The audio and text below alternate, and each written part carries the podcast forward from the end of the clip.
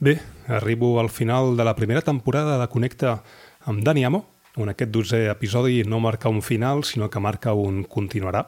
A més, coincideix amb el meu aniversari i és per això que volia fer un episodi diferent, proper, en català, que m'impliqués nous reptes i que aglutinés diferents visions sobre humanitat, tecnologia i privadesa, que és l'eslògan d'aquest podcast. Vaig convidar quatre persones que no necessiten presentació, ni curta ni breu, i que miraculosament totes van acceptar adaptar les seves agendes per unir-se a l'episodi. Els convidats són Josep Maria Ganyet, Josep Ruano, Benjamí Villoslada i en Marc Alier. Tots quatre tenen una visió molt interessant del món digital que ens envolta i cadascú la publica de la seva manera en els seus diferents espais, on, sense cap mena de dubte, deixen una bona empremta a qui els llegeix o els escolta. Enganyet té converses en el seu Com muntar un sofà al canal YouTube de Mortensen. Eh, Mortensen és la seva consultora de serveis digitals. En Josep Ruano escriu a josepruano.com sobre la vida, l'univers i qualsevol cosa, inclús de menjar. En Benjamí, com a bon vitòleg tecnooptimista, s'expressa al seu blog benjamí.cat i el seu podcast en color tecnooptimista, on hi barreja el català i l'espanyol, justament com, com aquest podcast Connecta amb Dani Amo. I després tenim en Marc, que en dependència del cercle d'amistats se li pot dir Ludo o inclús Gran Ludo. En Ludo és el meu director de tesi i és com el cul d'en Jaumet. Realment no para i veu de mostra amb els seus projectes mossegalapoma.cat, cabalgacometa.com, pensingluten.net i aprendizdelutier.com. Ah, uh, i ztesters.com, on tant en Marc com jo doncs, hi fem podcasting. El tema central de l'episodi és geopolitibitologia, que és la unió entre dues paraules, geopolítica i vitologia, i aquest eh, concepte unit doncs, ens ha permès discórrer per diferents temes tecnològics, d'humanitat i justament de privadesa. Viatgem fent salts al temps des de l'antiga Roma, passant per la sèrie de televisió Magnum, la companyia fotogràfica Kodak, la pel·lícula Johnny Mnemonic i cables submarins fins a arribar a afers actuals de tecnologia i política. Però, en fi, no em vull extendre més, que ja prou ho fem a l'episodi i tampoc vull fer massa spoiler. Per mi, aquest episodi és un dels millors regals d'aniversari.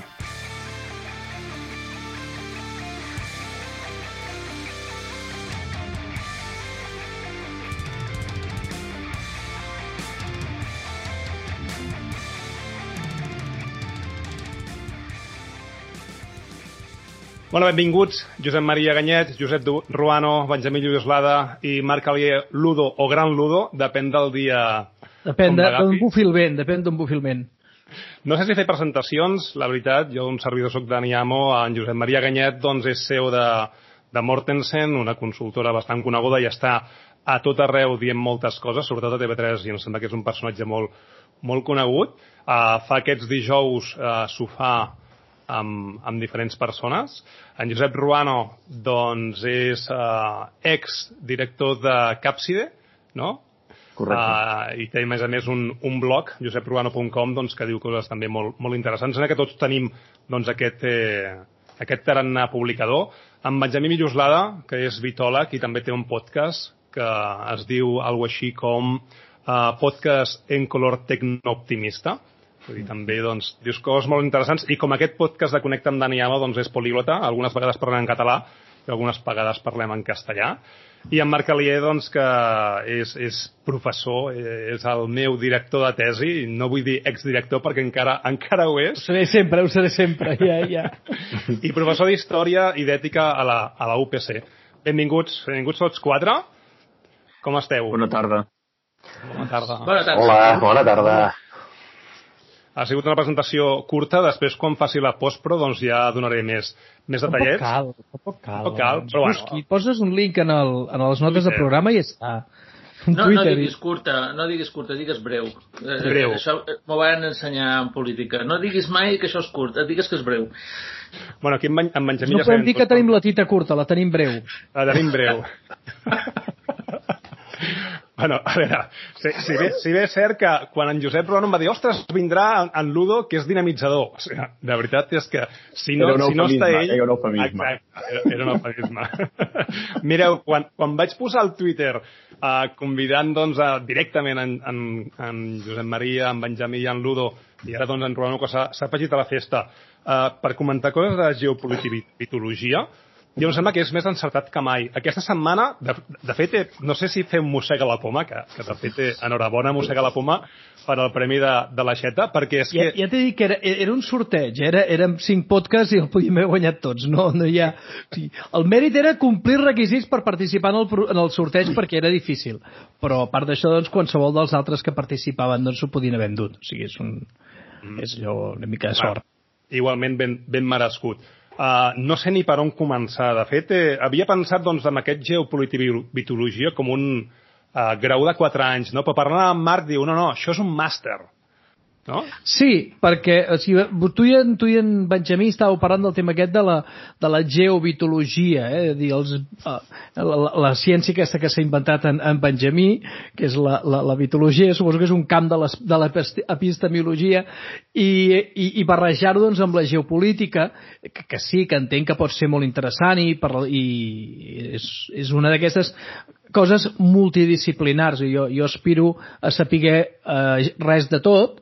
Aquest és el meu A veure, si, si tenim geòleg, geòlegs i tenim mm, politòlegs, també podem tenir vitòlegs, no? sí, sí, no, jo estic completament d'acord jo estic completament d'acord, però sé, juntar la, la geobitologia seria com una mica més d'anar cap a la multidisciplinaritat. I llavors, jo, jo ja dic, jo, jo vull ser, jo vull, en el futur jo vull saber res de tot, aquest és el eh, en comptes molt d'una cosa que és el, el, el que ens, ens porta doncs, a, per exemple, a fer una tesi doctoral saber molt d'una cosa, doncs, el, el, jo aspiro al futur a saber res de tot. Jo crec que la, la, la geobitologia seria una mica acostar-nos això. I per tant entenc que no pot ser un grau no, no, no pot ser un grau o una enginyeria, sinó que hauria de ser una especialitat de, de, de, de, o de màster o de postgrau, doncs, de, de gent que ja ha tirat uns quants tiros i que ja sap unes quantes coses i després doncs, aprendre a connectar amb coses. No, no pots aspirar a saber res de tot fins que no saps una mica d'alguna cosa.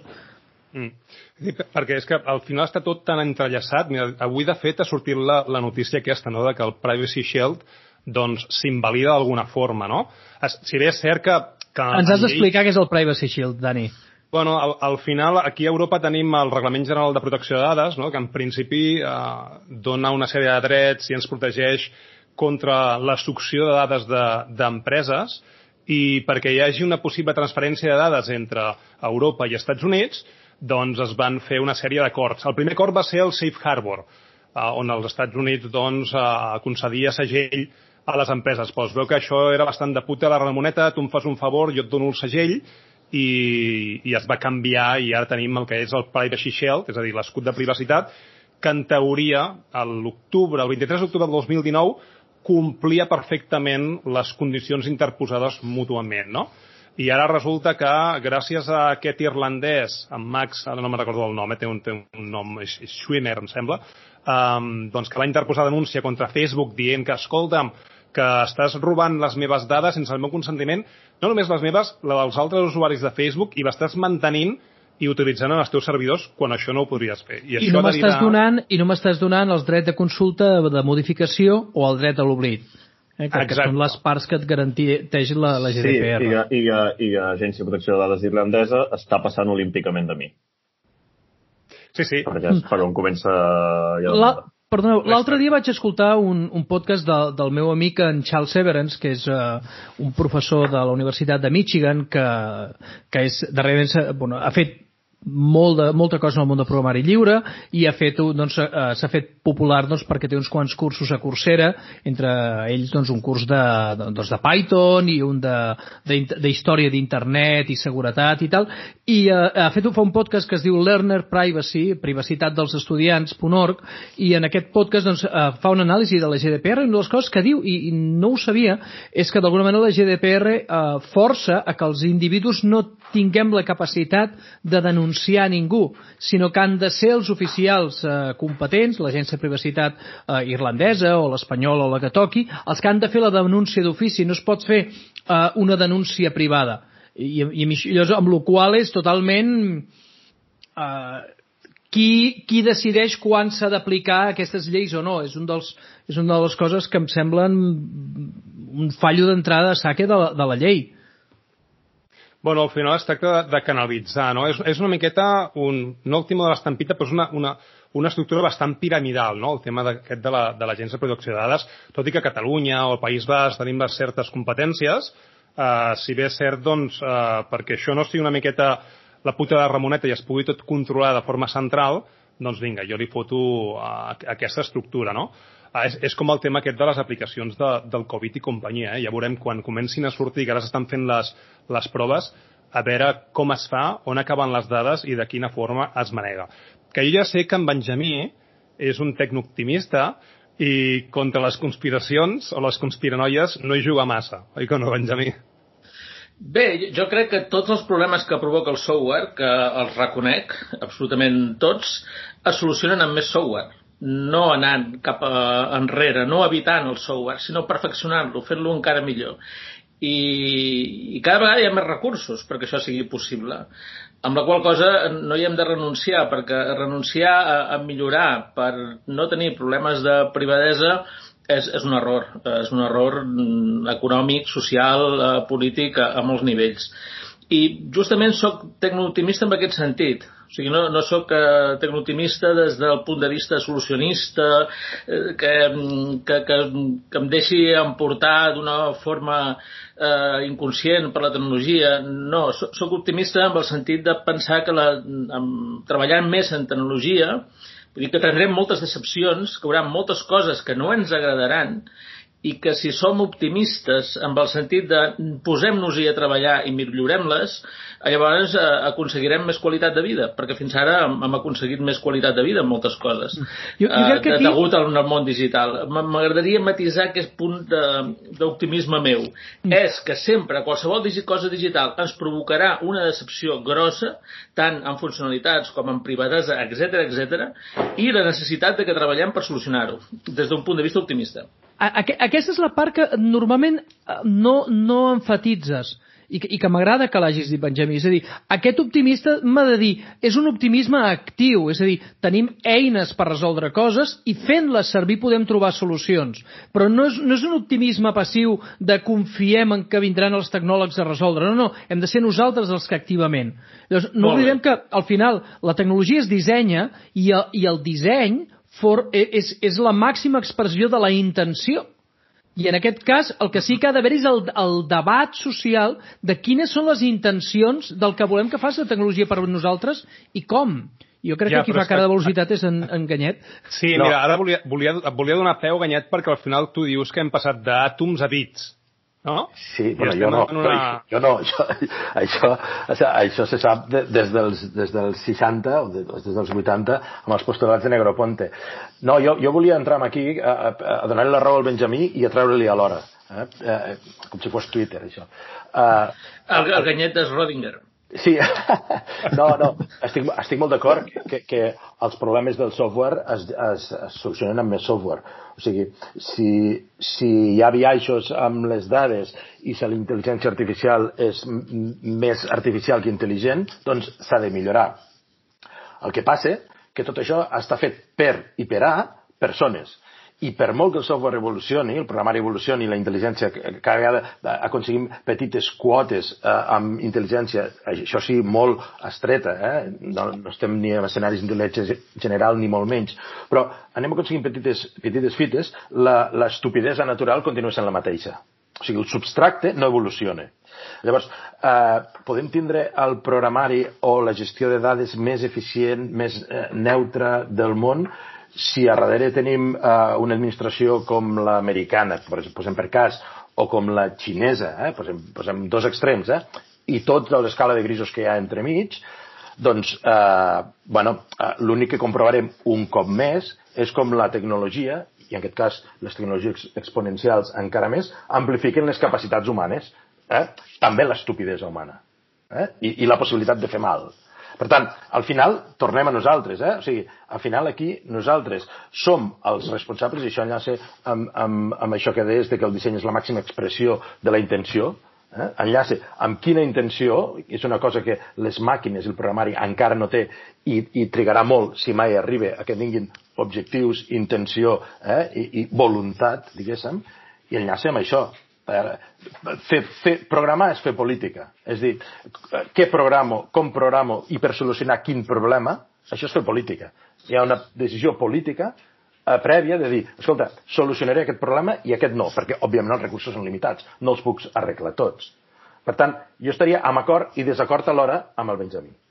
Perdoneu, jo Tinc- recomanaria l'assaig Perdona, eh, eh, jo recomanaria l'assaig del Giancarlo Livraghi, eh, o Livraghi, eh, que, que és el, el, el, gran, el, el gran assaig sobre l'estupidesa que ens de l'any 96, eh, i recordeu l'axioma aquest que sempre subestimem eh, eh, subestimem la quantitat, el percentatge de gent estúpida que hi ha en el món.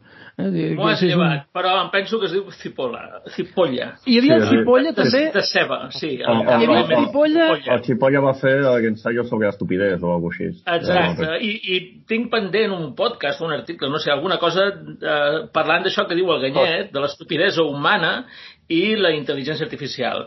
Perquè el que és el quadrant del Cipolla, que està molt clar a l'entrada Sí. de la Wikipedia, el- l'estúpid bàsicament és el que els perjudica a si mateix i perjudica els altres.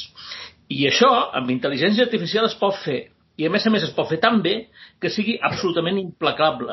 No, I que no avui hagi en dia manera això de és el senyor que va per, per, per Barcelona, pel centre de Barcelona, sense mascareta. L'estúpid. Exacte. Bueno, o, o, o el que se'n va anar a Eivissa de despedida de solter havent donat positiu. Vull dir que... Aquest, aquest és de patar dels collons. És que estúpid és una cosa, i aprendre bé el que diu el Cipolla, és una cosa que haurien de fer tots i s'hauria de dir molt més sovint, i no com a insult, sinó com a un anàlisi. Vull dir, hi ha un quadrant ben clar. Estic sent L'estúpid estúpid és no? el que es perjudica a si mateix i perjudica els altres. Per exemple, tota la gent que està en contra del 5G, estúpids. Tota la gent que d'aquí a quatre dies ens posarà un munt de pegues en la vacuna, estúpids. I així, bé, és que no vull robar-vos a l'espai perquè és que no ho acabaríem avui ni la setmana que ve. És, és impressionant el que s'ha muntat amb el 5G i el, i, i el coronavirus. És a dir, és, és com barrejar dos coses completament diferents que, que no tenen cap mena de relació, barrejar-les i que hi hagi gent que, que, que, que, que cau per, per sobre del d'allò. El guionista d'aquest tema és molt dolent. Vull dir, si fos una pel·lícula no la mirarien. Bueno, ara UK acaba de banejar Huawei uh, i diu que no el posarà en el core de les comunicacions 5G, que pot estar per allà, però que Sí, però no compte, que no, que, no, que no ho han fet pel coronavirus, eh? Ho dic perquè... Però aquest és eh, ja la geobiologia, això és un tema Exacte. geobiològic. Això és un Mira, tema polític, no? A, a, mi, hi ha- a mi hi ha un tema, i, i en temes de, de política, geopolítica, vitologia, que al final ten, nosaltres el, el, el que tenim a la societat són solucions marcades per eh, la progressió tecnològica. I en aquest cas, qui és el que podia donar la solució? No? En, en temes de Covid, Google i Apple. No, no, no podia ser un altre. És a dir, qui ens podia donar la solució, no? Microsoft està en, en una altra en una altra estratosfera, en una altra eh, òrbita. Amazon, de fet, està per caure i ja, i ja veurem. Ja, ja sabeu doncs, que als Estats Units eh, al final no li va donar aquest gran premi en qüestions militars, no? va ser Microsoft, si no m'equivoco, qui, qui va rebre, però tot i així són Google i Apple el que estan. O sigui, ara nosaltres tenim solució de software perquè són les tecnològiques que tenim. Però, Sí. Dani, Dani, una cosa. En, en aquí fixa't que tu has fet com una assumpció. Qui havia de ser? Dic, a veure, si nosal, uh, jo recordo, i en Ganyet i en Benjamí, també, perquè som, diguéssim, els veteranos en aquí...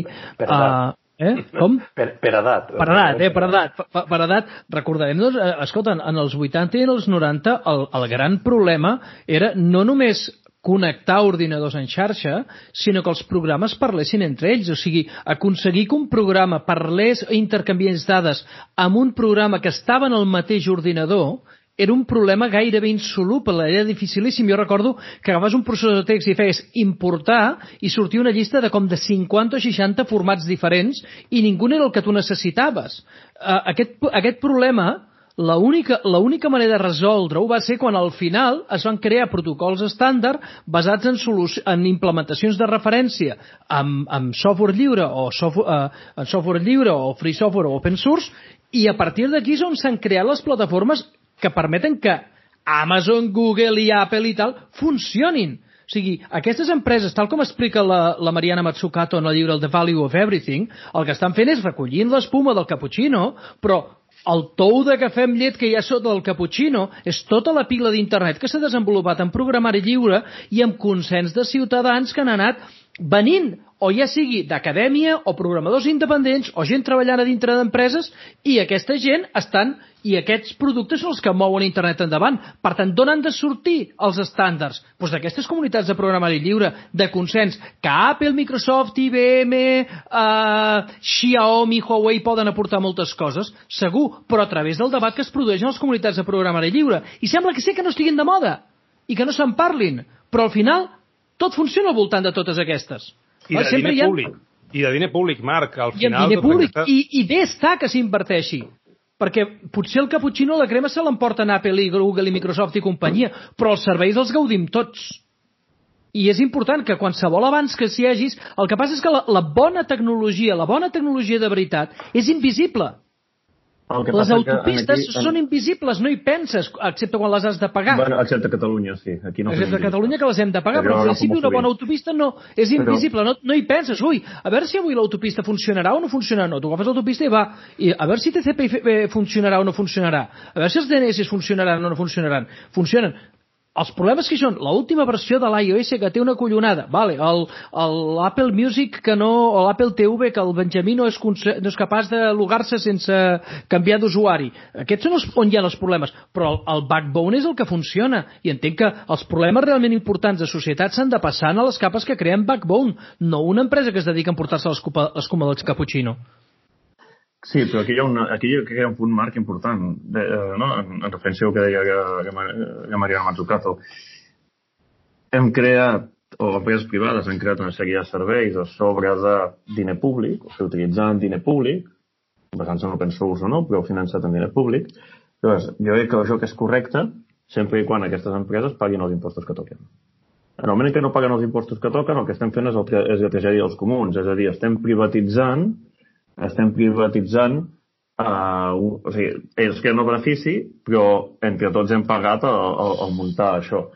Si Però no, el paguen sistema- els, si no paguen els impostos que toca, això eh, condueix a un problema per a la societat, perquè es queda no el benefici però socialitza amb la pèrdua. Socia- Però és que la tecnologia de la publicitat, Josep, perdó, el problema és que la tecnologia de la publicitat, que és el que permet eh, crear vots, tu fiques diners, ho passes per, un, per, el, per, el, per la indústria de la publicitat i generes vots, ha per, permès que la democràcia es, es converteixi en una cosa que es compra. Tu tens més medis, tu tens més diners per publicitat, tindràs més escons i tens influència política. Als Estats Units ja és absolutament demencial, però com que la publicitat permet comprar governs, doncs d'aquesta manera el que passa és que les grans empreses, doncs a través de lobbies, a través de tot tipus de mecanismes, acaben fent-se les lleis a mida, i el que passa avui en dia és tenim una societat on els que paguen impostos som nosaltres cinc, perquè no tenim molts calarons.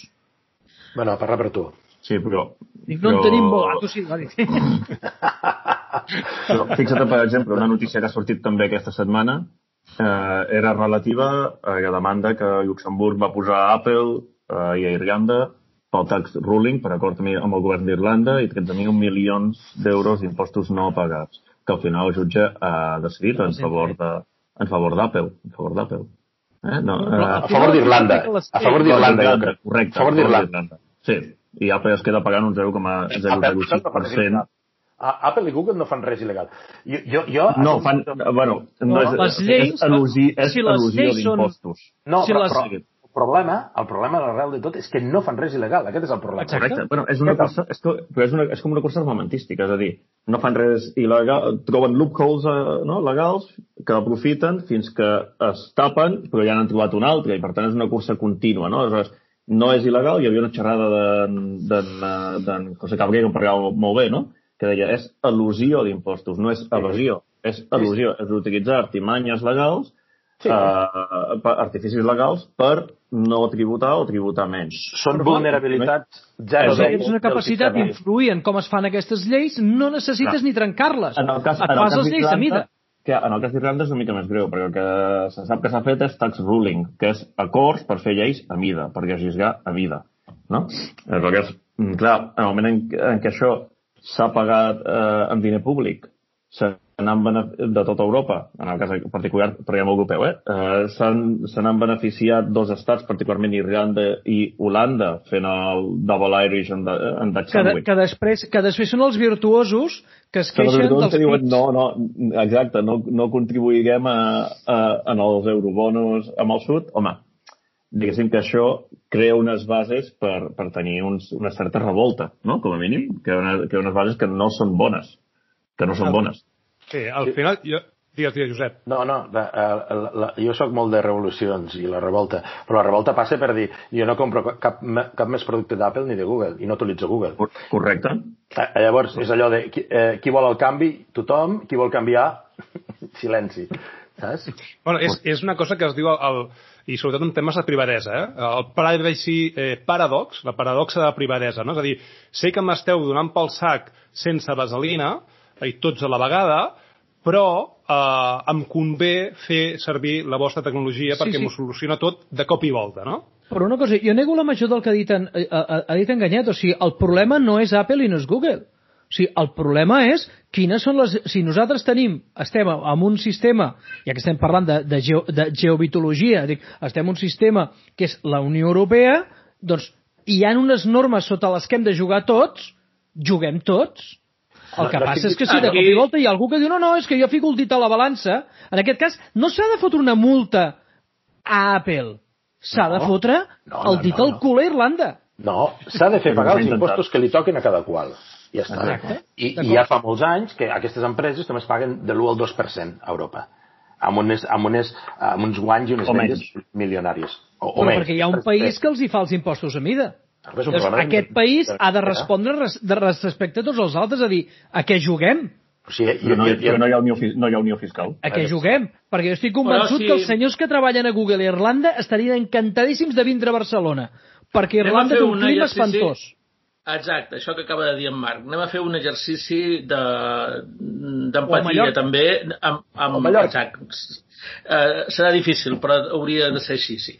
La cosa és que si ens posem en el lloc d'Irlanda, un país que estava eh, al final de l'economia europea, menjaven patates, ho passaven fatal aquella gent, i ens posem en el lloc de les tecnològiques que volen aterrar a Europa, si tu els hi poses un país amb imposts baixos i, i a més a més amb la mateixa llengua i que agafes l'avió i caus directe cap allà des dels Estats Units, que és on se feia aquesta tecnologia, a on aniràs?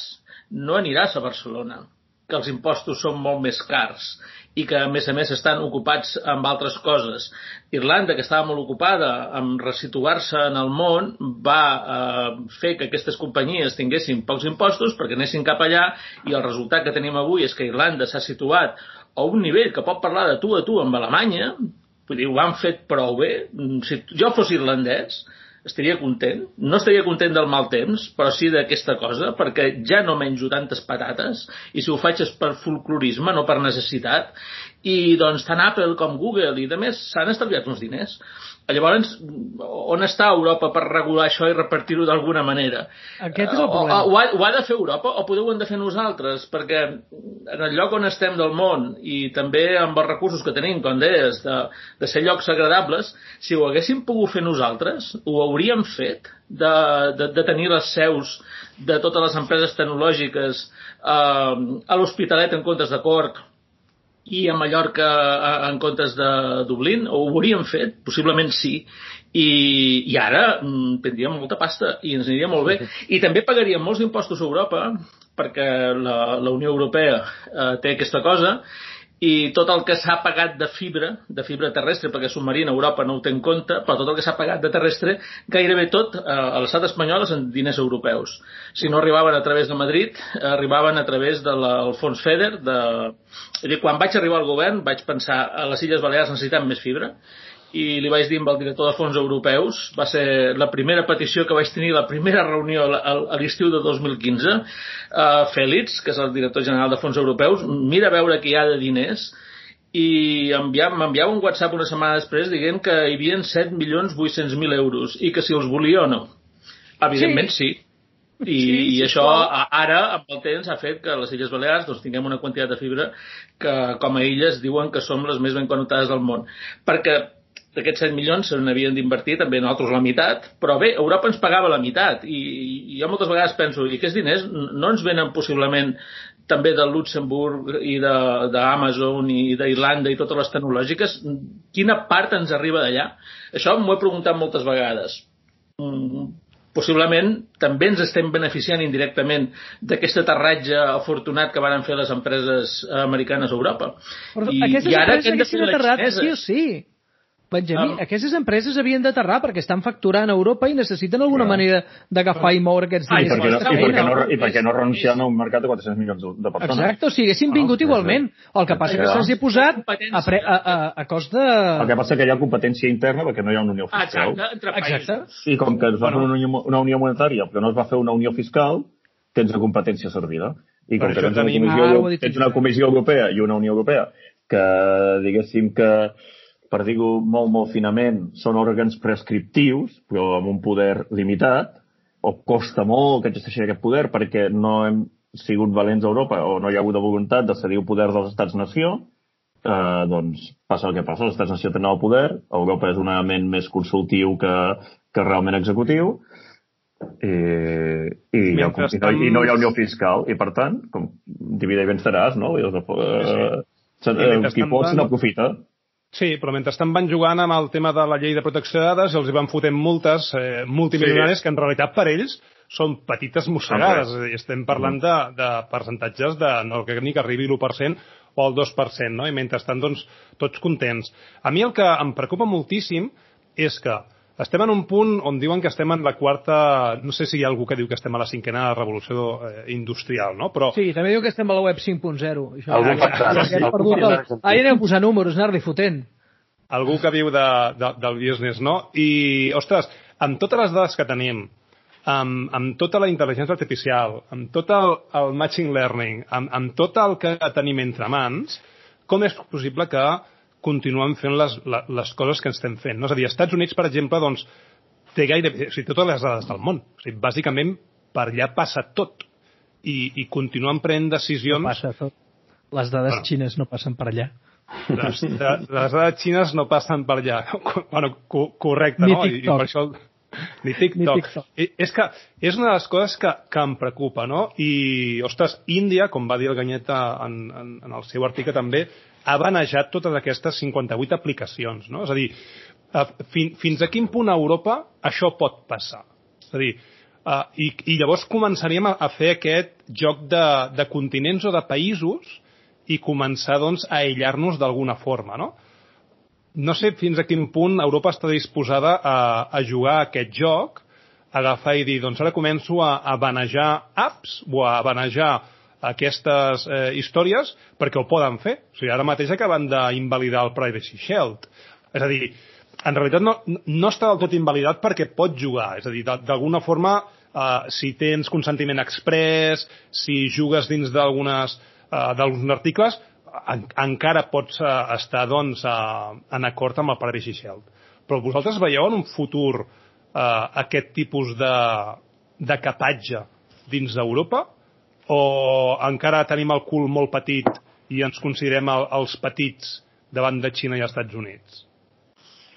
No sé Home, qui vol disparar primer. No, no, no, no, no és que ens considerem, és que ho som. O sigui, no, no tenim, ni, no tenim ni, ni, ni, el, ni el hardware ni el software, no tenim ni les dades ni, ni el maquinari. O sigui, no sabem què passaria en, en cas de conflicte amb tots els xips eh, xinesos, taiwanesos o japonesos i, o americans que estan fets servir la Unió Europea. No, sé, no sabem què passaria amb, amb el... Bueno, sí, el sistema de GPS sí que ho, sabria, ho sabem.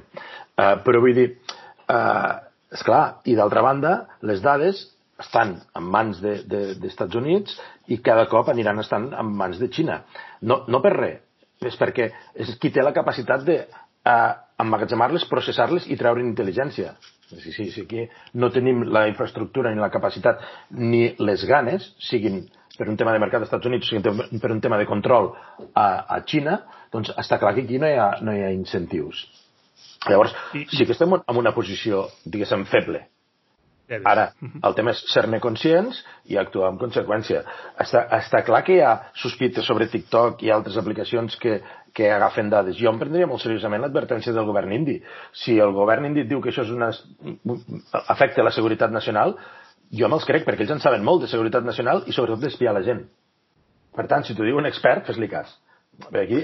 La, la Índia porta molts anys amb un conflicte eh, tevi amb, amb Pakistan i té fronteres amb Xina. És que...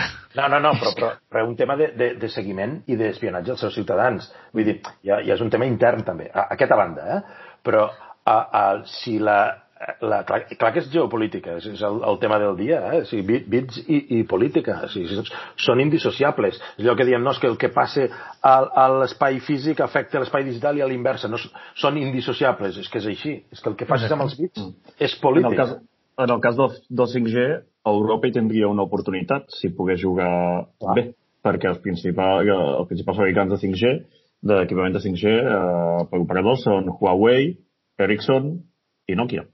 Sí, sí, sí. Per tant, de, de, fet, tenim, tenim de fet si estem parlant de, de, de 5G és perquè Europa als anys 90 es va agafar i, o als anys, a finals dels 80 es va començar a parlar, es va muntar el consorci GSM per posar un estàndard perquè els que van arrencar amb els mòbils eren els americans que tenen 4 o 5 eh, estàndards diferents i, enca i encara tenen incompatibilitats en freqüències i, i formats de paquets. I en aquí en el GSM es va agafar i es va determinar i per això van sortir el que té el Nokia, Ericsson i companyia.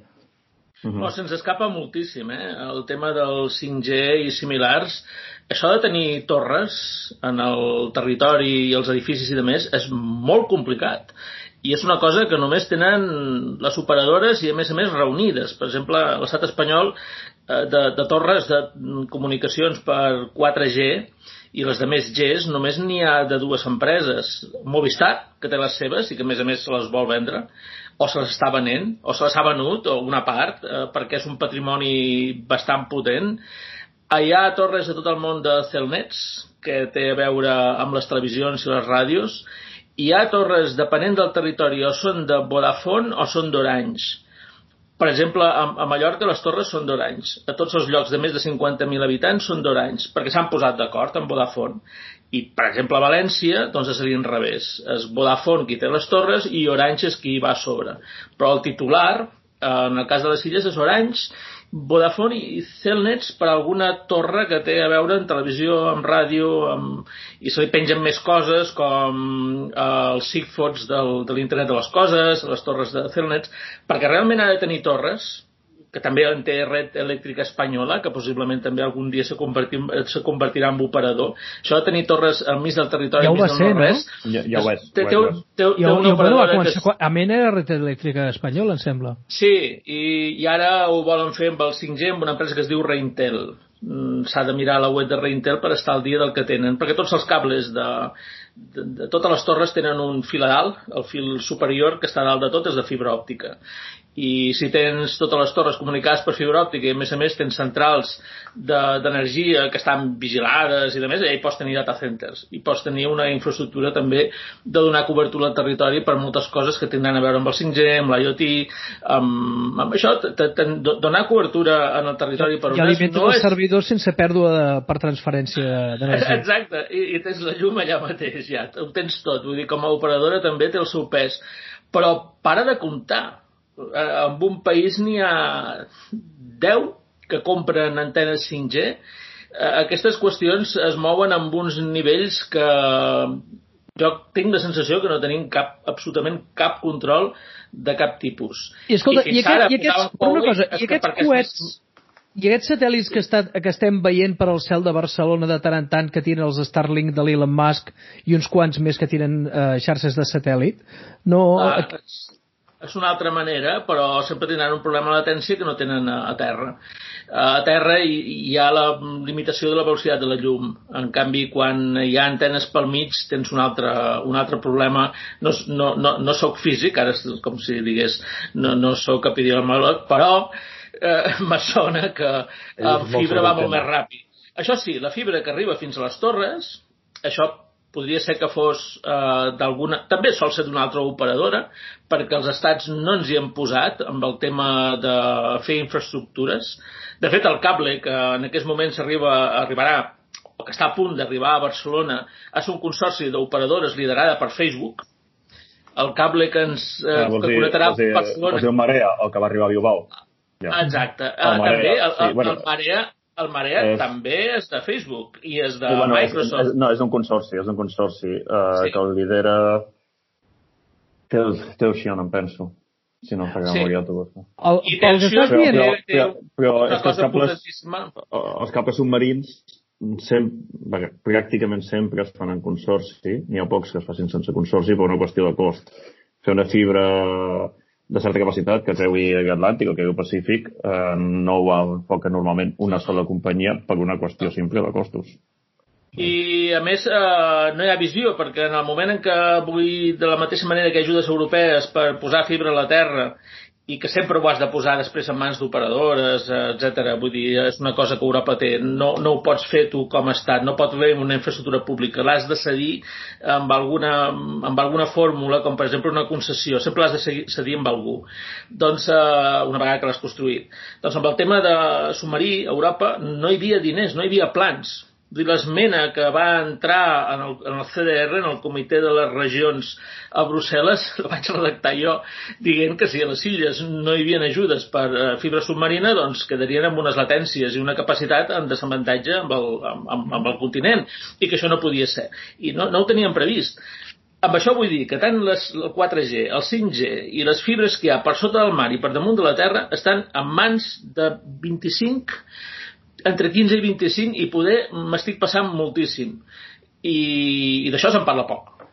Però bé eh, el, el tema no tenim carreteres tenim aeroports tenim coses que estan sota legislació comú eh, que, que de, de parlaments escollits amb vots però el tema de les infraestructures per una qüestió tan bàsica com aquesta està tot en mans d'empreses i a més a més de poques empreses eh, tan poques com GAFAM Em, em permeteu un, un parell de comentaris. Una és que estic pensant que quan nosaltres ara contractem eh, doncs, internet, ja sigui per mòbil o ja sigui per, per fibra o per ADSL, el que sigui, normalment sempre estem parlant en el, en el paràmetre de l'amplada de banda o de la quantitat de dades que podem moure en el cas dels mòbils, allò, 20 gigas o 30 gigas, aquest tipus de coses.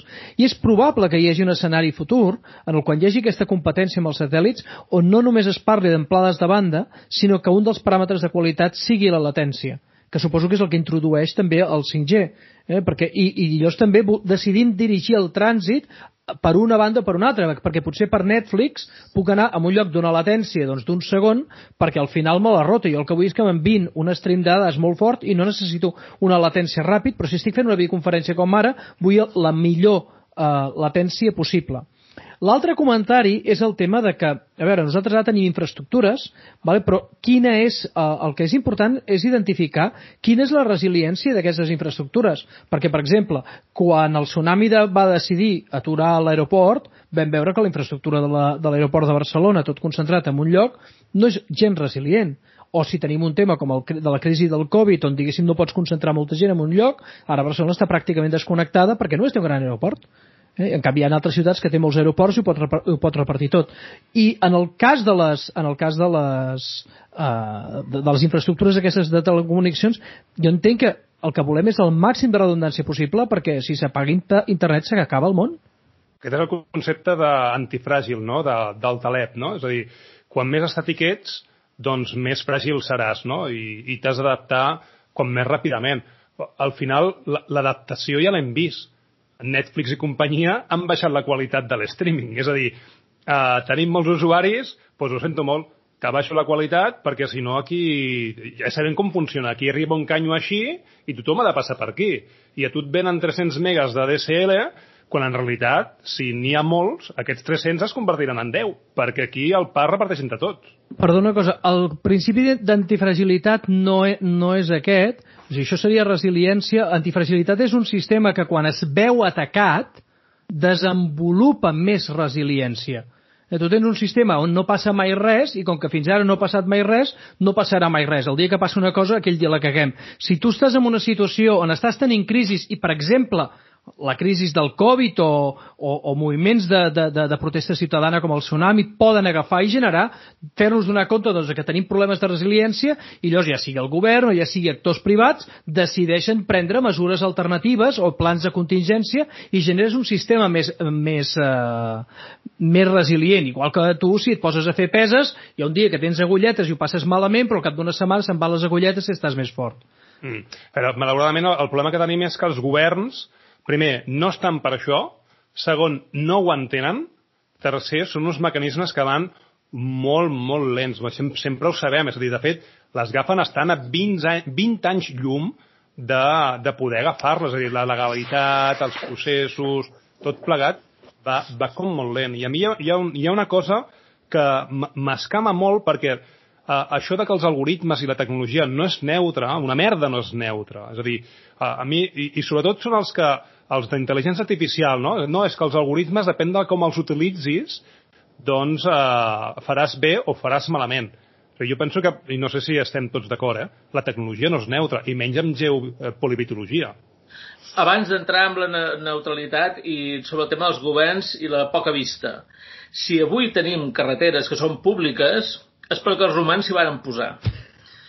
I sí, i llavors ho han anat heredant i els diferents governs han anat heredant allò que havien fet els romans. I llavors per nosaltres és inconcebible o és un comentari com el que heu fet abans negatiu que hi hagi carreteres que siguin de peatge. En canvi amb el tema de la tecnologia mai, mai a la vida cap govern s'hi ha posat. Vull dir, o necessitem uns romans 2.0 o uns grecs o alguna cosa que diguin no, els estats, com a infraestructura bàsica, també han de fer autopistes i carreteres de, de fibra per sota el mar i per la Recordes? terra i satèl·lits i de tot. Recordes, Benjamí, per què van fer carreteres els romans? Ah, no hi era, però... No hi era, jo, jo sí que hi era perquè sóc més gran del que semblo, uh, sí. però bàsicament ho feien perquè passessin els legionaris. El, el, el, el, tu agafes, ets, ets a l'imperi romà, arriben els, te, arriben els teus legionaris, fas una conquista i fas arribar la via, la, la via romana fins allà, amb la qual tu saps que el temps que tu tardes per moure tropes cap allà per defensar aquella zona és molt més ràpid. Eh? I per ah, això tenim... els nous, els nous legionaris són GAFAM. Uh, segons això segurament li quedaran a Però, que aquí, aquí un apunt, després els, els passa governs... els governs... Permeteu-me permeteu, permeteu un moment, faig, faig un apunt perquè he de marxar molt ràpid i, i sobre lo de la neutralitat de la tecnologia. La tecnologia no és neutra, com apuntava al principi, és que la, la decisió de fer utilitzar una tecnologia o solucionar un problema o un altre i la manera i els recursos que destines ja està, ja sabem que no és neutra. Uh, les dades que utilitzem per entrenar els algoritmes no són neutres, les hem generat nosaltres, que no, el nostre comportament no és neutre. Hereta uns viatges dels romans, eh? ara que parlem de romans. I d'abans dels romans. Exacte, no, no, exacte. Els romans estaven influenciats pels grecs. Sí, sí, I tiren sí. darrere.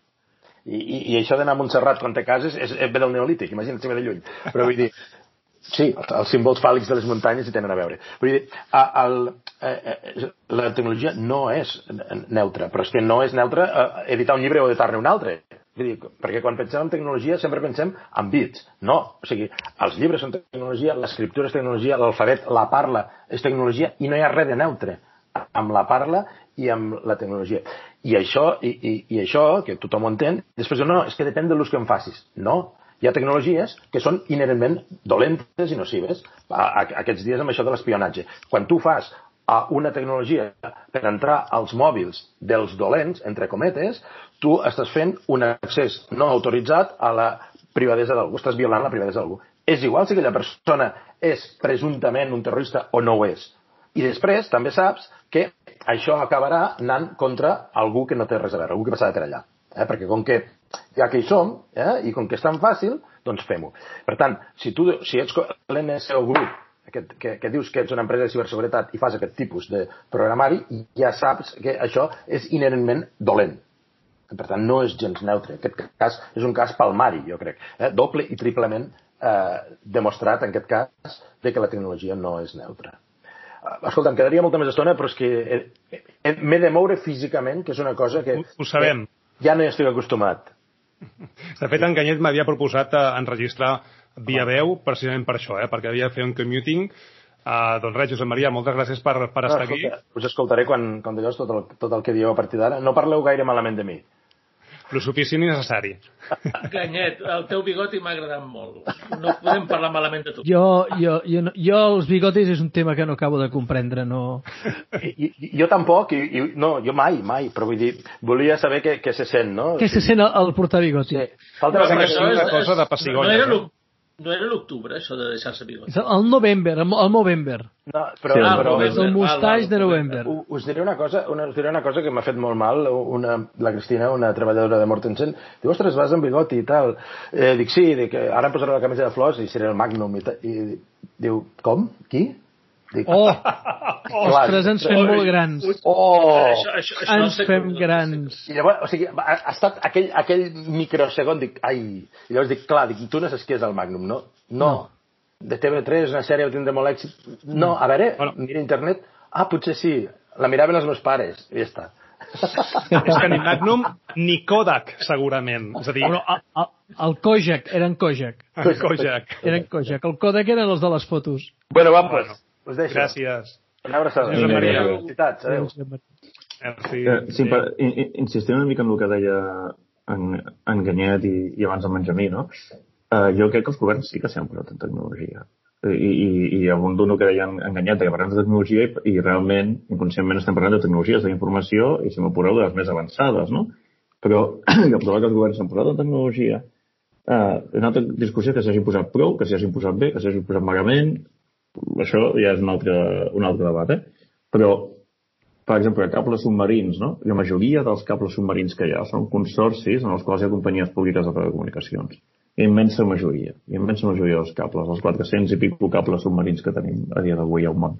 No? Eh, la majoria estan fets en consorcis on hi ha operadors de comunicacions que o són públiques o eren públiques, com ho va ser Telefònica, com ho va ser Atlantel, com ho va ser NTT al seu dia, després ho van privatitzar, etc. Bueno, NTT encara és part pública.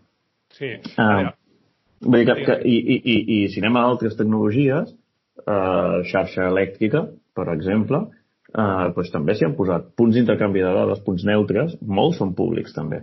És a dir, que sí que els governs s'han posat en tecnologia, però sistemàticament han anat enrere de respecte a l'avenç tecnològic. Com és normal, la legislació ha anat enrere i continuaran anant enrere, perquè legislem un cop, coneixem un problema. Bueno, a Europa hi ha més tendència de, de legislar preventivament i als Estats Units de legislar tard, no? Però, però, clar, però no hi ha bon equilibri. I en qualsevol cas sempre legislem a posteriori, no? ex post, per definició, perquè ex ante no coneixem què passarà. I, per, I això fa que potser, pues, eh, certament els governs a vegades diguem, hòstia, és que com pot ser que això estigui així no estigui diferent? Bueno, vale. Doncs, mm. igual que, que deia en Benjamí, ho comparteixo, no? que els software s'arreglen de software, no?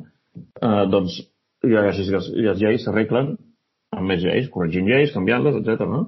I quan s'arreglen? Quan ho coneixem, quan tenim coneixença de que hi ha un problema. Però insisteixo, els governs i tant que s'han posat en tecnologia. I si no, llegim el llibre d'Edward Snowden i veurem si s'han posat en tecnologia. Em- em permeteu un posat. parell de la coses? legalitat, eh?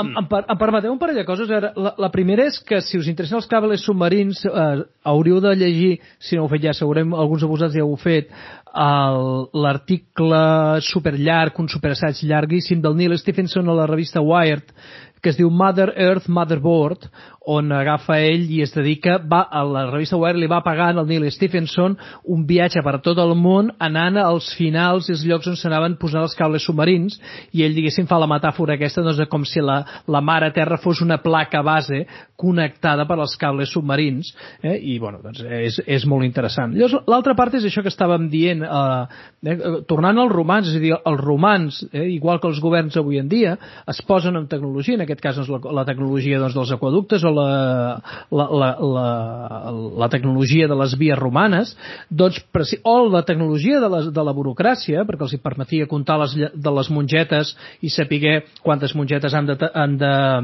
eh, alimentar amb una legió durant tals dies, doncs el, la, els governs quan veuen que una tecnologia la saben aprofitar, la poden aprofitar per alguna cosa, s'hi foten i fort s'hi foten i fort, i està, cla i està claríssim i la història n'està plegat. El que sí que és veritat, també, és després hi ha una... Els, els Estats Units van fer un descobriment durant la Segona Guerra Mundial, i és que van començar la Segona Guerra Mundial que no podien competir amb els japonesos tecnològicament, els vaixells i els avions de guerra americans no eren rival per al, en el Pacífic amb els japonesos. Els japonesos tenien millor tecnologia, tenien millors tècniques eh, militars. I, i kamikazes. Eh? Bon, I a més ells tenien la tecnologia aquesta humana del, dels kamikaze, tecnologia social, que els hi permetia disposar de kamikazes, igual que avui en dia, doncs, uh, uh, pues, uh, i si es pot tenir uh, bombardejadors suïcides, no? Això, això hi és.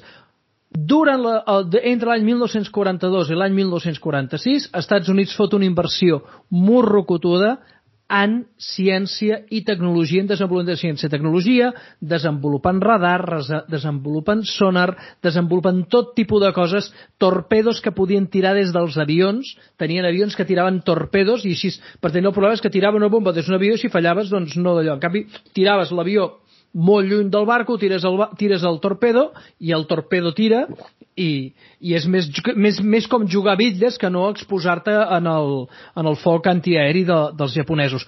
I de cop i volta, a 1244, de cop i volta els japonesos comença, passa de cop, de sobte.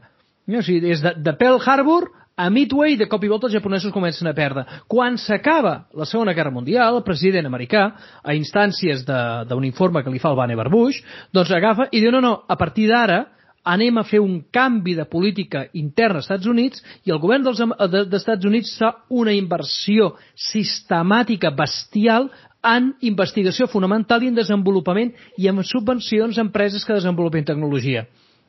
I una de les expressions més bèsties és el programa Apollo, on els Estats Units durant una dècada sencera dedica el 3% del producte interior brut en el programa espacial.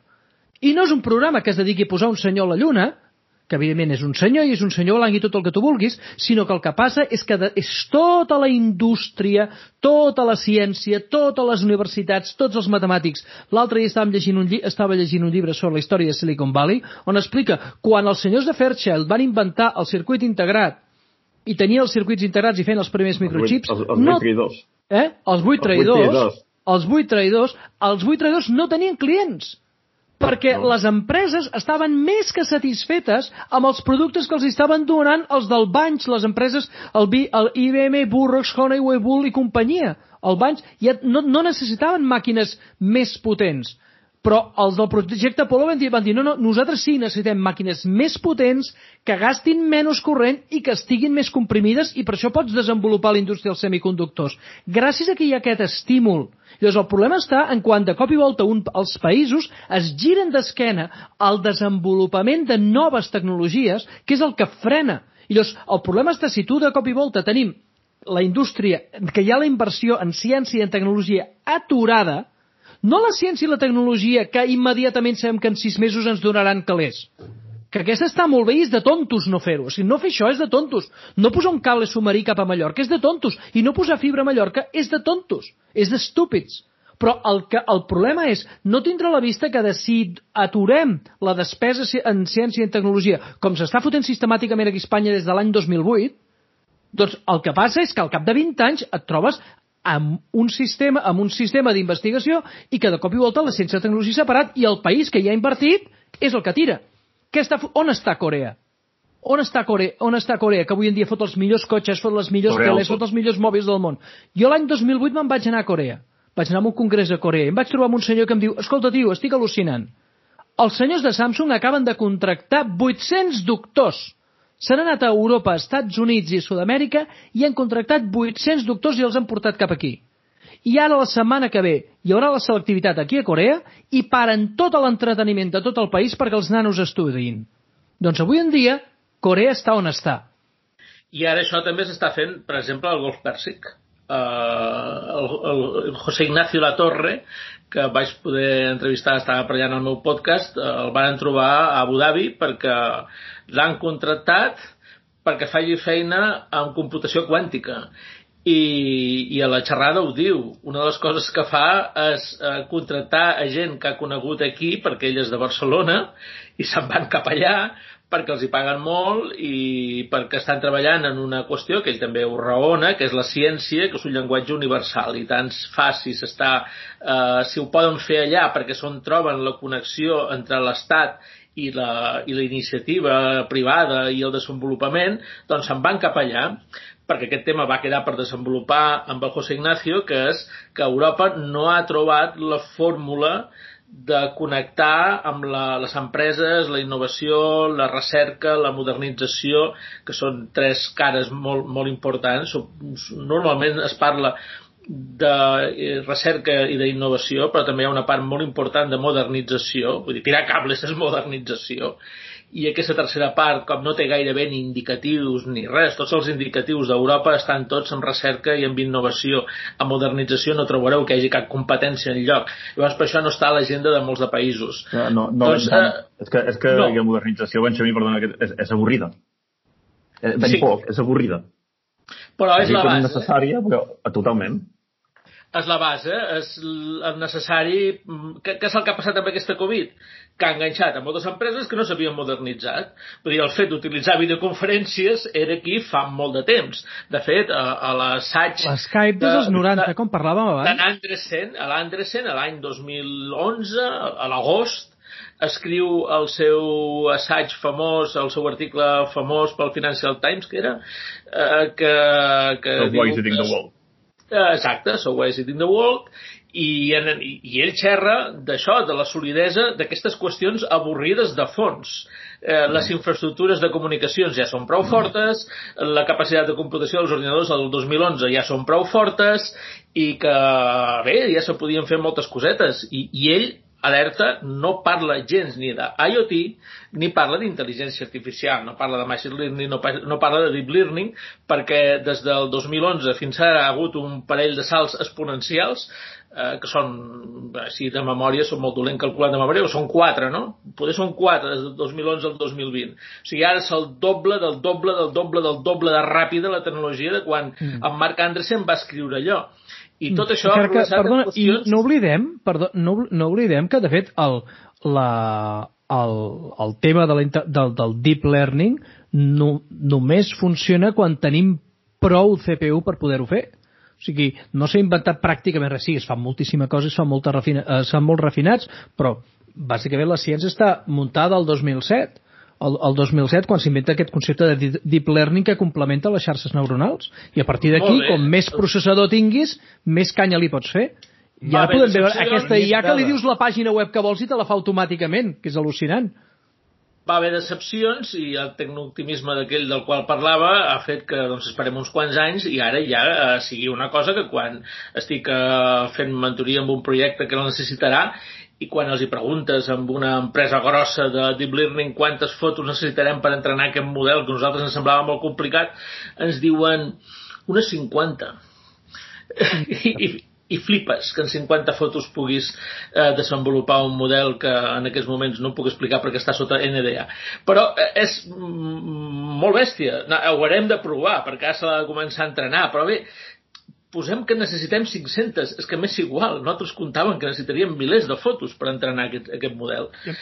És, és, és tremendo, i és el que deia en Josep, és molt avorrit, és una cosa que està passant i que no té cap mm, aparador, no té llums, no té taquígrafs perquè no és ni innovació ni és recerca, és mm-hmm. modernització i això eh, ho tenim absolutament abandonat. És una de les parts del, dels governs, eh, allò que deia en Josep de que els governs fan coses en tecnologia, sí, eh, ho fan amb, amb alguns àmbits eh, que tenen indicatius. Quan hi ha indicatius, quan hi ha competència, quan te fan rànquings a Europa i això va parant als mitjans, això sí que preocupa la classe política. La qüestió del fons que veiem els tecnòlegs, aquesta està molt, molt abandonada. Bueno, aquí Una... a Catalunya perdona, eh, s'acaba de crear l'Observatori d'Intel·ligència Artificial i Big Data. Si no ha sigut avui, va ser va ser ahir, no? A mi hi ha una cosa que, que, que em preocupa, que és el, el, la computació al, al, núvol i la creació de models d'intel·ligència artificial i companyia. Primer que el deep learning no tenim ni santa idea de què es fa dins, no? I, i, a, i, a, i a vegades m'imagino un extraterrestre venint cap aquí dient oh, mira quina tecnologia que tenim i que li preguntem i com funciona? No tenim ni idea Imaginem-nos que un extraterrestre ve aquí i et digui tinc un, un, un jo què sé, un coet que eh, utilitza aquesta energia i fa moltes coses, però no sabem ni com collons funciona, no? Però Dani- sabem que ens porta d'aquí allà, Com t'aguantes dret? amb, amb els peus. Amb els peus. Diu, com, aguanta, com t'aguantes dret sobre dos peus i aguantes l'equilibri i no caus? Eh? Tot l'aprenentatge que hi ha al darrere d'aquesta habilitat. Eh? I no ho saps explicar. I si ho intentes explicar, o intentes parar atenció, és possible que caiguis i ensopeguis.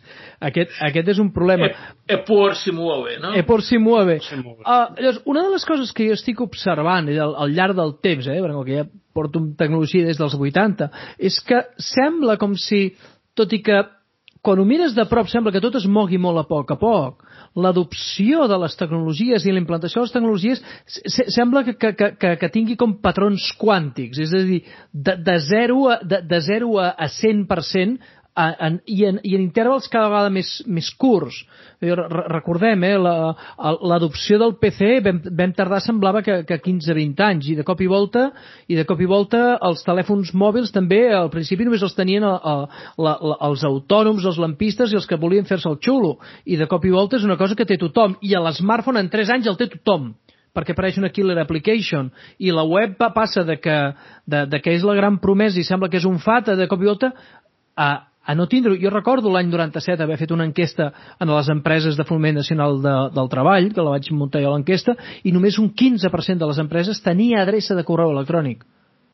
Tres anys després, tres anys després, no podies presentar la, la declaració de renta com a empresa en paper, havia de ser digital. O sigui, en 3 anys, és a dir, de no estar digitalitzada, de no tenir papers, de portar-ho tot amb aquelles compatibilitats que es portaven amb el llapis de, de dos colors, el blau i vermell, Sí. ah, tot va digital, és quàntic, i moltes coses que ara dius, ara no, no, i a més a més després entenc que, que el que est- estem veient és que, que el confinament ens, ens ha accelerat tot en el món de l'educació i en munt d'altres coses. Si nosaltres a, tenir, quan entrem a Skype tenim que buscar el password de, de, de l'última vegada que el vam fer servir, que teníem en alguna banda, però quantitat de gent no havien entrat mai i els havíem d'explicar com s'ho havien de fer. I ara pots fer Skype amb pràcticament qualsevol gamarús, perquè tothom, no, no et trobaràs ningú que, no, que et digui no he fet mai una videoconferència. Se l'ha de trobar en aquest pollastre.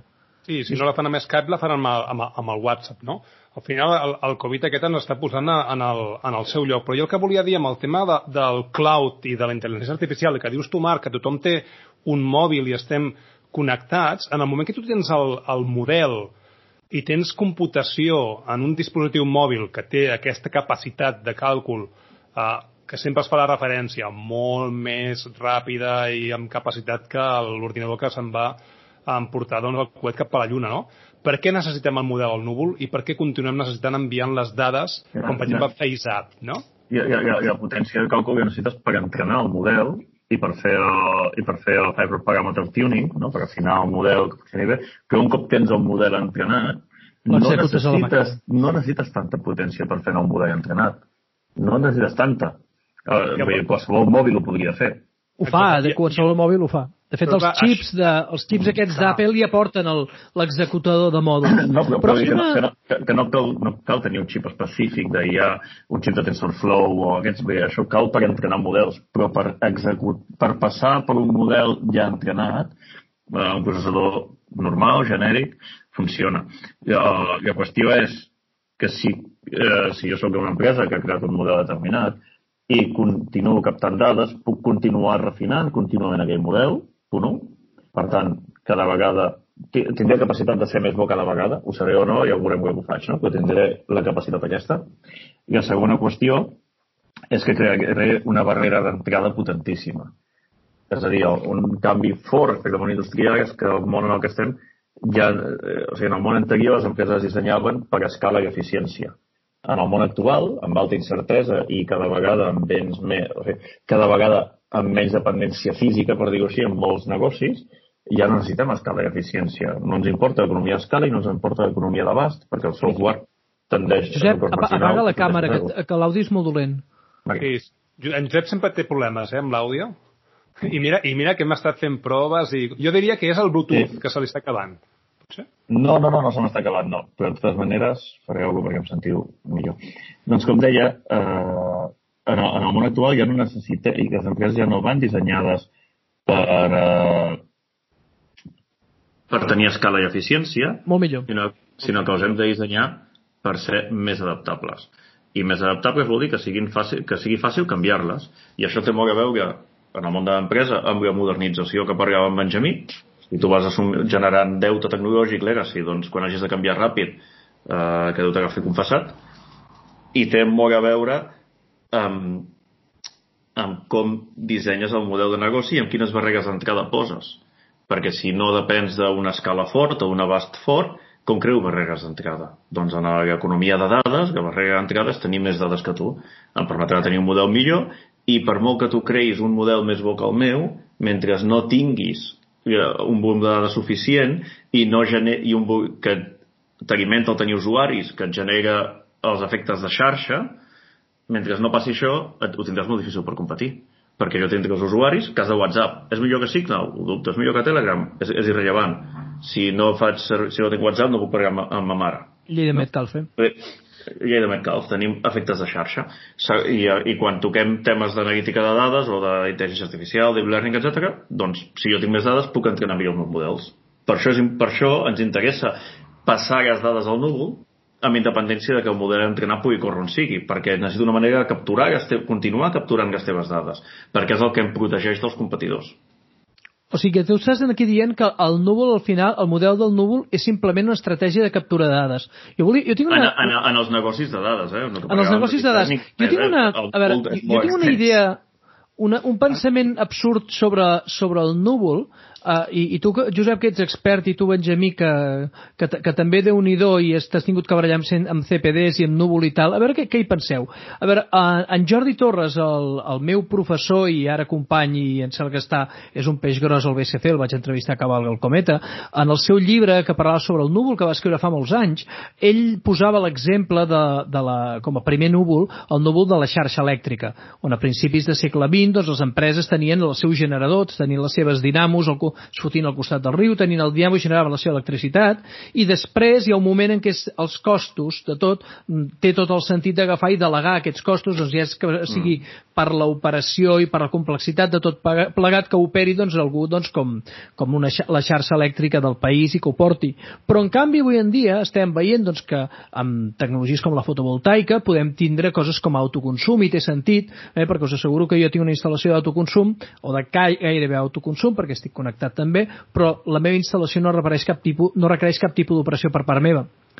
El que em sembla és que en el cas de hi ha un moment determinat, doncs, per exemple, jo, l'any 97, quan tenia el meu primer servidor, era una màquina que tenia que portar físicament amb un proveïdor de housing, i els hi donava la meva màquina configurada i, i d'això, i em costava un paston, i avui en dia puc tindre doncs, un, un hosting o puc tindre alguna altra cosa ficada dintre el núvol, però m'és molt fàcil veure, m'és molt fàcil veure com en els propers 4 o 5 anys eh, hi hagin disponibles capses super fàcil d'administrar eh, que jo pugui tindre connectada contra la meva Ja, fibra, però- contra el meu 4G, contra el meu 5G, contra el meu eh, Starlink, on jo pugui muntar el meu CPD Que- una amb qüestió una capseta de, de com, que, que sigui com una capsa de mistos. Però això és una I que- qüestió diferent. Jo crec que depèn, Marc, de, de, de quina dependència tens d'aquesta capseta. És a dir, si tu vols controlar eh, quatre coses a casa teva, té sentit tenir el teu Synology o el teu Raspberry Pi o el que sigui a casa teva. I si allò falla, quin problema tens? Bueno, doncs no tens gaire problema, el canviaràs quan puguis i a córrer, no? Ara bé, si el teu negoci, la teva empresa o un servei públic depèn d'uns sistemes que han d'estar funcionant, el nivell de disponibilitat, el nivell de tolerància a fallos que pots tenir amb el, amb el cloud públic no el tindràs a cap altre lloc. El poder tenir simplement eh, diferents centres de dades units amb una xarxa nivell 2, és a dir, units de manera que pugui eh, tenir sistemes actiu-actiu en diferents data centers, això no és trivial, té una complexitat de xarxa molt important i uns costos importantíssims. És molt complexa. El cloud Estic d'acord amb tu, estic d'acord amb tu, però. Amb un escenari tecnològic fix. Però imagina, per exemple, que algú de, a un moviment open source, per exemple, i aquí ho proposo si algú té ganes de fer-ho, imagineu-vos una xarxa BitTorrent que pugui agafar i juntar les, la, les, les capacitats d'aquestes caixes Sy- Synology o No, les Raspberry que les ja, ja, això existeix. Ja, el, el Dat Project, per exemple, per fer una internet totalment peer-to-peer, descentralitzada, no? el Dat Project, un dels que hi ha potents a darrere Puigcercà és la, la RAL Balkan, no? eh, i ja existeixen coses d'aquestes. No? I en el moment en què això sigui Però, però no, no Per idiotes. Però, no, no, però encara que sigui per idiotes, no et serveixen per tot. no et Els que, sí cobreixen que són, sí, els que sí que són idiotes són els de Skype, que en Benjamí vol parlar des de fa molta estona i haurien de posar un botó de- d'aixecar la mà. Jo, jo No l'aixecava ha manera. físicament, no. No, e- era pel, per l'aportació de, de la pregunta que has fet de si és necessari o no és necessari el, el núvol. Eh, En el cas d'una organització tan grossa com un govern, que és el que vaig veure, nosaltres no teníem gairebé res al núvol. I crec que algunes coses sí que hi havien de ser. El motiu de no tenir la majoria d'aplicacions al, al núvol és perquè mm, no necessitàvem escalabilitat. Si tu ets una empresa, no sé, Cabify, i aquest any estàs a tres ciutats i l'any que ve estaràs a 13, eh, fer un data center preparat pel creixement que te suposarà passar de 3 a 13 és molt, molt important. I de fet crec que qualsevol producte digital, vull dir, la feina, amb la feina de convertir qualsevol cosa que pugui ser software en software, una de les fites sempre ha de ser esdevenir global l'escalabilitat. El producte que tu penses, eh, que ara s'està fent de forma analògica i que s'haurà de fer en software, sempre l'has de pensar eh, com ho he de fer perquè pugui tenir mm, centenars de milers de clients amb els quals els hi cobri molt poc, en comptes de tenir pocs clients en els quals hi cobri molt.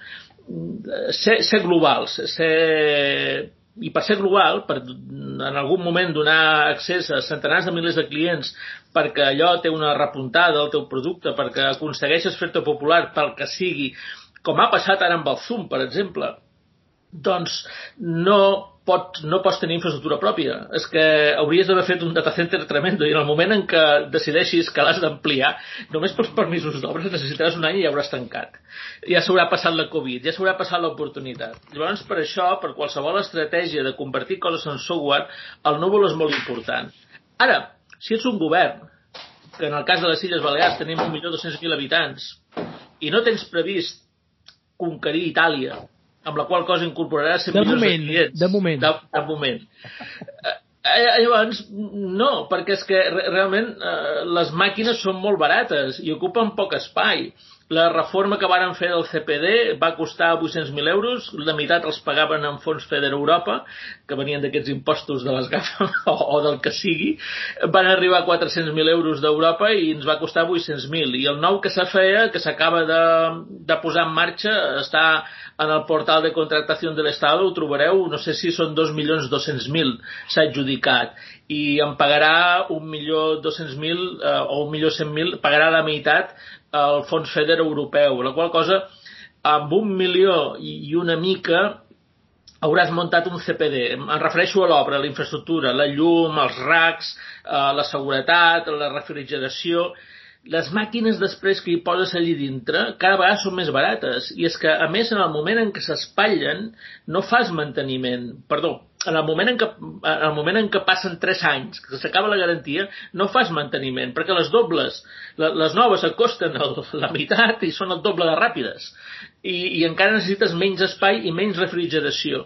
Així que una vegada que tu tens ben clares les teves aplicacions i, i, i quina és la teva computació eh, estable, i quasi sempre amb aplicacions teves, està molt bé que ho tinguis on premise, que ho tinguis a casa, perquè eh, és molt estable. A més a més, si ho tens en el núvol i et falla l'aplicació, si falla l'aplicació de tràmits, eh, que és el que falla el 90% de les vegades, en el cas del núvol no te podran fer res els enginyers que treballen eh, ni a Amazon, ni a Google, ni a Azure, perquè és la teva aplicació la que ha fallat, els sistemes funcionen eh, sí que tenir-ho allà mm, no et compensa perquè sempre, eh, et sortirà car de fet estàs pagant un servei de suport i la majoria de les vegades el suport l'hauràs de donar tu mateix, perquè el sistema haurà fallat molt poques vegades, la, la xarxa haurà fallat molt poques vegades, haurà fallat quasi sempre la teva aplicació. Doncs si la tens a casa, baixes al pis de baix i ho arregles, i és molt més fàcil. I en canvi, quan eh, se tracta de coses que han d'escalar molt, i també d'aplicacions que són commodities, per exemple, tot l'Office, tot el que té a veure amb el correu i amb la gestió de documents i de calendaris i de drives i de més, eh, això tenir amb una empresa o amb un govern o que sigui dues o tres persones dedicades a mantenir allò en marxa eh, és més car que no tenir-ho al núvol. I en el núvol, doncs, eh, de tant en tant hi ha puntes de, de feina que, o d'emmagatzematge que n'hi ha uns que l'aprofiten més, altres que l'aprofiten menys, no has de fer còpies de seguretat de teres i teres i teres i més teres de gent, de coses que té el Drive, que millor són les fotos del darrer sopar, que això eh, surt caríssim fer-ho amb un data center propi, perquè ha d'haver un senyor amb un vehicle que faci una còpia i se l'emporti cada dia cap a un altre lloc. Clar, tot, tot, tot això, quan més ho redueixes, millor. Tot el que siguin commodities, i coses exponencials estan ben al ningú. Sí, però... Aquest era el meu, el meu que, qüestió, bàsic. Sí, sí, la qüestió és que... Jo, jo, jo, jo crec que és...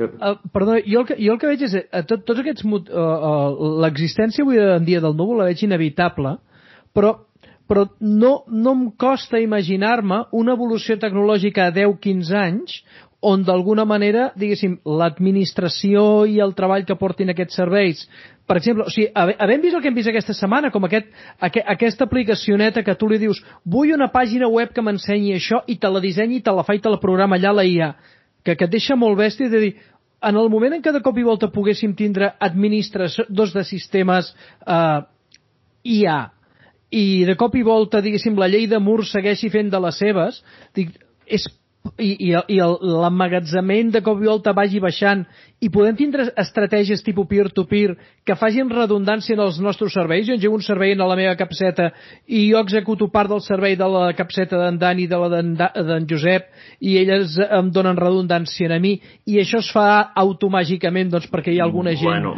diguen Siri o diguen Scarlett però, Johansson. Sí, eh? però, però, però anem a trossos, anem a trossos. No, no, jo, jo dic, estic um, fent ciència-ficció 15 anys vista, o sigui, dic, imagina't que de cop i volta dir Amazon Web Services deixa de ser relevant perquè hi ha innovacions tecnològiques que permeten que torni la tecnologia en el control de la, a, a, a ser controlades per les persones i, per exemple, ah, només tingui això... sentit eh, computació quàntica en el cas de, de, de, uh, cloud en el cas de la computació quàntica. Això, perquè, això evidentment... és un moviment, hi ha un moviment que es diu Small Tech, que, que un dels que el lidera és l'Aral Balkan, per intentar tornar al màxim de tecnologia sota el nostre control. I està bé, i jo crec que està bé. És a dir, no, no, no, hi ha un excés de concentració de poder sobre la tecnologia en molt poques mans. I això té molts riscos. I tant. Uh, I especialment pels governs. Eh? En els governs hi ha un altre tema també, que és eh, que hi ha elements que són crítics i que no interessa que estiguin a segons on i que Europa, tornant al tema inicial, no ha fet els deures en tenir, el, en tenir un cloud en condicions. No? Um, però hi ha molta... L'evolució tecnològica també implica que hi ha sempre noves tecnologies que volem tenir i disposar i no podem competir amb la velocitat de desenvolupament d'un Amazon o un Google o un Microsoft. Fixeu-vos un apunt, estava revisant números, la inversió, el CAPEX, el Capital Expenditure, o sigui, inversió en actiu físic, no personal, eh, no cost operatiu, o sigui, enginyers a banda. La inversió per crear data centers i per crear tecnologia física, eh? Eh, perquè Amazon es fabrica xips propis també, de Google, Amazon i Microsoft, de l'any 2001 a l'any 2018 va estar a la línia dels 300.000 milions de dòlars, que, que es condeix, doncs, hi ha diferents nivells, no? però eh, al voltant dels, 8, dels de, uns a 100 i pico mil, uns altres a 80, però per ahí. En els ulti, eh, ara estem ja que hem passat els 350.000 milions de dòlars acumulat. Però és que anualment, anualment, i us digui el número, anu, anualment estem eh, parlant que en els últims dos anys ha superat, eh, i suma dels tres, els 120.000 milions de dòlars. És a dir, eh, això és un 12% del PIB d'Espanya, eh, que és un dels països de les economies més grans del món, eh? de les 8 o 9 economies més grans del món. Per tant, i la capacitat d'innovació i d'inversió d'aquestes companyies que tenen un foc una estratègia clara és bestial, no? Per tant, saps, jo crec que el Nubu està aquí està aquí per quedar-se. Que hi hagi certes càrregues de treball, certes coses que puguem tirar enrere, que per exemple a nivell personal molta gent no té cura d'un backup correcte de les seves fotos i tens que vida. Ja no tens els àlbums a l'estanteria i que això s'ha de millorar que, no ten, que molta gent, la majoria, no té cura d'actualitzar el seu router o el que sigui, i aquí té, i les bombetes connectades, i aquí tens un exèrcit zombi en potència per fer atacs interessants, no? I per tant, si haurà fot que algun dia i que la tecnologia a les cases, vale? i aquesta tecnologia pot tornar a nivell personal, segurament, quan hi hagi maduresa suficient, però al mateix temps que hi ha tecnologies que es comodititzen i els fa igual, com deia Benjamí, no? El cas del correu és claríssim, no pots competir en costos, impossible, ni de lluny i n'hi ha d'altres que per el volum d'ús que tenim a nivell personal arriben a un nivell d'utilitat tan bèstia que el podem tenir a casa amb poc cost amb una caixeta màgica Sí, però al mateix temps tenim que en la part de dalt d'aquesta piràmide hi ha tecnologies noves que les empreses volen utilitzar per ser més competitives i que sempre et serà massa car, massa costós de desenvolupar i tenir a casa. No? Vull dir, tens les dues parts. Hi ha unes parts que van entrant i les parts que van sortint en aquesta... Si vols, és una cua, és una cua no? I, i sí, segurament tindrem més tecnologia a casa, però, però, però també n'hi haurà més que no podrem abastar si no és amb aquests jugadors que poden fer aquestes inversions. Però dins de l'equació hi, ha, hi ha una cosa que es diu coneixement. Eh, no tothom té el coneixement No. tècnic informàtic per posar-se aquestes caixetes. I fixeu-vos ara que Telefònica i Google Cloud acaben de firmar i tenim aquesta unió eh, i tenim el Google Cloud a casa. No sé com els afectarà el tema aquest del Privacy Shield i si Google Cloud haurà de fer un cloud aquí a Europa absolutament desvinculat, no? Però a mi m'agrada molt eh, el concepte de la caixeta, m'agrada molt el concepte de poder-se desconnectar. No sé si serà possible quan tinguem el cervell connectat, no? amb el Neuralink de l'Elon Musk i companyia, Uf, que jo... esperem que trigui. Ja... Exacte, esperem que trigui, però els tios són capaços de llegir i escriure. I això, uh, Johnny Mnemonic, no sé si nosaltres em sembla que Sí, coneixem sí, la sí, sí, sí. Vale? Uh, la Cristina Mortensen no, ho sento Cristina, però és una pel·lícula que hauries de veure perquè et, et tocarà de ben a prop quan siguis gran, segurament. Però, més, més, hòstia, el dolent és en Mick Jagger, oi? ostres, ara m'ac- m'acabes d'enganxar, Em eh? sembla que Johnny Sí? Mnemonic el dolent és en Mick Jagger. Va, de, de, em sembla que en, en, en Rohan ho està buscant, eh? No, no sé si, si, si és A mi, a mi em sap greu, però jo voy a sortir eh, ràpidament, Sí. eh? Busco això. Sí, jo, i- jo, també, jo també Sí. tinc que, que marxar. Sí. No, no, només és, és, és la idea aquesta, que tam, també al final, no oblidem que tots aquests centenars de milions que, eh, que, gastar, que, que inverteixen aquestes gra- grans empreses, al final, eh, la, qui la fa aquesta tecnologia, per molt que hi hagi l'empresa, són les persones que treballen per aquestes empreses, i aquesta gent s'ha de formar. L'avantatge que tenim avui en dia, per exemple, amb internet, si és tan fàcil que, que Amazon i que Microsoft i que Google i que Apple puguin trobar gent que hi vagi a treballar, és perquè les tecnologies que este, estan utilitzant aquestes empreses eh, són obertes. I qualsevol pot agafar i es pot instal·lar Kubernetes es pot agafar posar a treballar en pàgines web o pot, o pot dedicar-se fins i tot a executar totes les, totes les tecnologies més bèsties del món avui en dia es po, les pots baixar a casa i, i, i fer proves. Jo recordo, a l'any 92, en, anar-me'n en, el, en, el, en el Saló de la Informàtica i anar-me'n on hi havia els debacs i, i posar-me jo amb un altre que tenien el, el, els manuals del VAX i començar a llegir els manuals del VAX en l'estant de VAX de, facultat- de, de, de la Fira del Saló de la Informàtica perquè no hi havia collons de maners de- d'accedir als de la Facultat d'Informàtica i volíem hackejar els servidors de la FIP i, i, i- i trobar aquella documentació era impossible. Avui en dia no. Avui en dia el codi és obert, la documentació està a tot arreu i, per tant, la gent la mateixa gent que són els candidats per anar a treballar a aquestes empreses també tenen projectes pel seu compte. Eh? No és que les pots conèixer perquè estan a l'abast, és que les has, les has de conèixer. Eh, el que, connectant una mica el que ha dit en Josep i eh, el que ha dit en Gran Ludo, aquí, en aquests, eh, aquestes tecnologies que estan al núvol, i, si, i també el que demanava en Dani, que és el coneixement, si el coneixement no el tens tu a casa teva, estàs perdut perquè això ho ha dit en Josep, el dia que hagis de fer una migració, el dia que tu te quedis amb un producte o que bé s'ha quedat antic, o bé que el núvol en el qual tu estaves no t'és rendible i t'has de canviar cap a un altre lloc, si tu no tens el coneixement del teu producte i has de fer una migració, la teva empresa està morta. Eh, hi ha empreses que han desaparegut per una migració o empreses que han desaparegut per no tenir el control del seu producte, el que es diu el vendor management. Eh, és molt important que mm, si utilitzes coses en el cloud, coneguis com són, tinguis tu tot el coneixement a la teva empresa i que desenvolupis pensant amb la tecnologia i no amb el proveïdor, que tots els teus productes siguin agnòstics en quant a cloud, que te'n puguis anar d'Azure a Google i de Google a Amazon eh, sense que representi cap problema, si les coses es posen molt malament eh, geopolíticament i t'has de muntar un data center a casa que també ho puguis fer i emportar-t'ho cap a casa i continuar treballant, I aquesta és la feina que ha de fer qualsevol empresa que tingui intenció de sobreviure els pròxims 25 anys, perquè els canvis que hauran en quant a tot això són tremendos i, i entrarà una variable que encara no tenim, que és la xinesa. Així que el coneixement l'has de tenir a casa. Si utilitzes Kubernets en el cloud o utilitzes TensorFlow, abans has de ser capaç d'haver-ho fet a casa teva. I després deixes l'escalabilitat i deixes totes aquestes altres històries, i el preu, la rendibilitat, la qualitat de servei, eh, que ja hi ha 80 enginyers treballant que tu no els podràs tenir mai i que allò no caurà mai, tot això eh, ho, ho deixes allà però tenint el coneixement per poder canviar-ho de lloc o portar-t'ho cap a casa. Això mateix és el que passa amb el correu, i com el correu el coneixem a fons, hem après que tenir el correu a casa ni és divertit, ni és interessant, ni ens aporta res, és un dolor però tots els que estem aquí em penso que coneixem com funciona el POP, l'SMTP i l'IMAP. I Perdoneu... podem muntar-lo quan vulguem a casa nostra. Perdoneu, el Mick Jagger no surt a Johnny Mnemonic, surt a Free Jack. A Free Jack, tens A Free Jack, amb l'Emilio Estevez, que també és una gran pel·lícula sense ficció de l'any 92. Sí, senyor.